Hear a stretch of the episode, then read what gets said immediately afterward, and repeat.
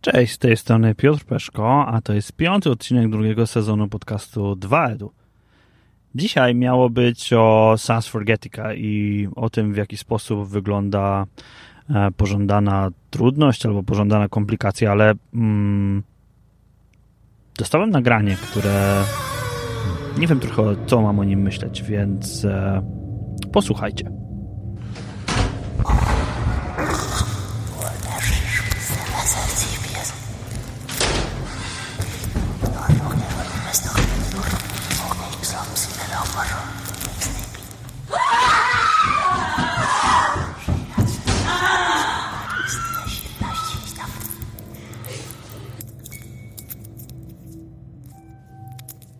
My po prostu lubimy się bać.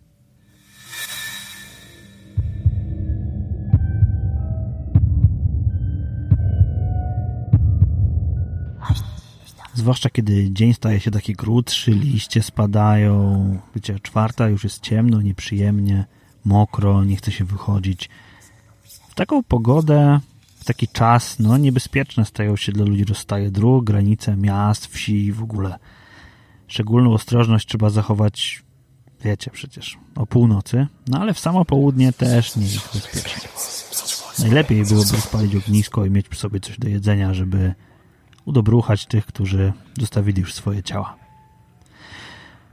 Słuchajcie, gdzieś głęboko w nas ciągle jest obawa przed tym czasem, kiedy coś jeszcze żyje, ale już zamiera, kiedy jest taka jesień, kiedy już nie jest tak przyjemnie i ciepło. Myślę, że w naszej pamięci przodków, tej takiej odziedziczonej, tych, których e, organizowali jesienny festiwal na e, cześć zmarłych, odzywa się chęć do świętowania takich prasłowiańskich obrzędów ku czci zmarłych i ponad tysiąc lat tego rzymskokatolickiego działania święta zmarłych i przemieniania go na święto wszystkich świętych nie przynosi wcale nam tak bardzo, bardzo dużo. Ciągle dla nas funkcjonuje to jako święto zmarłych. Ciągle jeździmy nie w miejsca, gdzie są święci, tylko na miejsce pochówku. Na miejsce tego, na miejsce, gdzie zostawiliśmy naszych bliskich i zostawiamy im tam światło. Zostawiamy nasze myśli.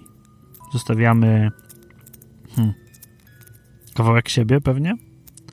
Pewnie już nie coś do jedzenia, ale, ale właśnie to światło.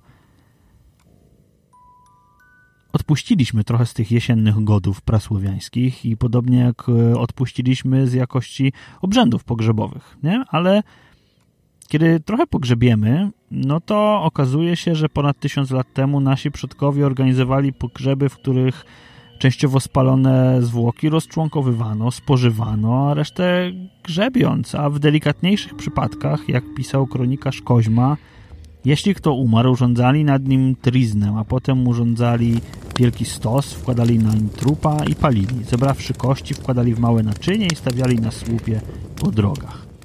Grzebali zmarłych po lasach i polach i urządzali przy tym igrzyska po drogach rozstajnych dla ukojenia dusz.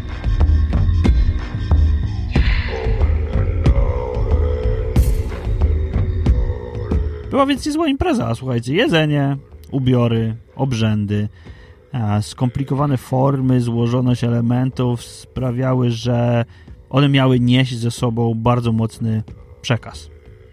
Nie używano masek, malowano ciała, byli tam guślarze.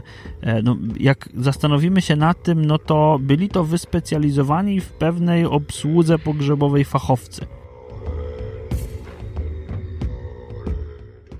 Wyodrębnieni ze społeczności już stosunkowo wcześnie, e, bardzo pierwotnie i, i te obrzędy pogrzebowe, one bardzo, bardzo długo z nami były. Ja tu nie jestem turbo ekspertem etnograficzno-historycznym, ale tak zwane gody, oprócz tego wiosennego święta zmarłych, były najważniejszym świętem tych społeczności. I no, Ilość materiałów historycznych przedstawiających przebieg tego święta jest mniejsza niż w przypadku świąt wiosennych, ale wiadomo, że w dniu zaduszek nie wykonywano niektórych czynności, żeby nie obrazić, nie uszkodzić duszy odwiedzającej dom. Nie wolno było na przykład ubijać masła, nie ugniatać kapusty. Zwracano szczególną uwagę na to, że mm, co ludzi otaczało, gdyż wierzono, że w każdej rzeczy mogła materializować się dusza. Zabronione były czynności związane z uderzaniem, cięciem, rąbaniem. E, nie wolno było też wylewać nieczystości i pluć na ziemię. Co ciekawe. Ciekawe jestem, jak duszom mogło przeszkadzać plucie na ziemię, ale kiedy zastanowimy się mm, na tym, co e, postanowił zrobić, e, zrobić Kościół, to około 988 roku próbowano stworzyć przeciwwagę dla tych pogańskich godów. No i to jest to święto wszystkich, wszystkich świętych, które dopiero w XIII wieku się um, rozpowszechniło i wtedy, no cóż, trochę w innej formie, ale urządzano procesję na cmentarz. Więc e, chrześcijaństwo powiedziało, postanawiamy, aby jacykolwiek duchowni, czy też świeccy ubrani w maski induti monstris lavrarum nie wchodzili zuchwale do kościołów lub na przyległe cmentarze. No dzisiaj mówią, że skutkiem Halloween jest e, demonizacja dziecięcej świadomości, neurozy, lęki, problemy, że jest to święto pogańskie, konsumpcjonistyczne, odbiegające od tradycji, które rzuca cień na uroczystość wszystkich świętych, no i że w ogóle młodzież będzie teraz świętować, a nie się umartwiać powiem wam szczerze, że kiedy się nad tym zastanawiam, kiedy na to tak naprawdę bliżej patrzę, no to myślę, że my robimy swoje. Trochę zapominamy o tej słowiańskiej tradycji, ale ona się nam sama gdzieś tam przypomina.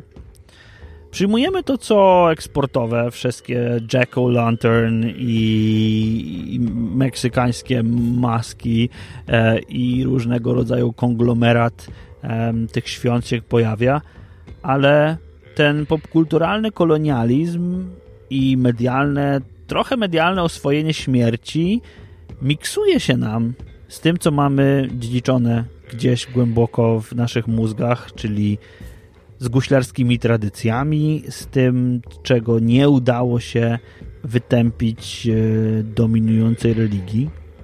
No, myślę, że pomimo biznesu, pomimo tego, tak naprawdę robimy, to wydaje mi się, że pomimo tego, że najpierw idziemy na imprezę, a później z niezmytą jeszcze do końca farbą, lekkim kacem, telefonami pełnych, pełnymi śmiesznych zdjęć, jedziemy odwiedzać groby zmarłych, a potem nie wiemy, co robić w zaduszki, bo nasza pierwotna słowiańska dusza jakoś dźwięcznie rezonuje i chce pójść nocą na cmentarz, to jest to czas, w którym warto się nad tym zastanowić co my tak naprawdę dziedziczymy, co jest kulturą, która jest nam nas w jakiś sposób wymuszana, a co jest wpływem, który przynosi globalizacja i konsumpcjonizm i to, że lubimy się bawić i trochę lubimy się bać.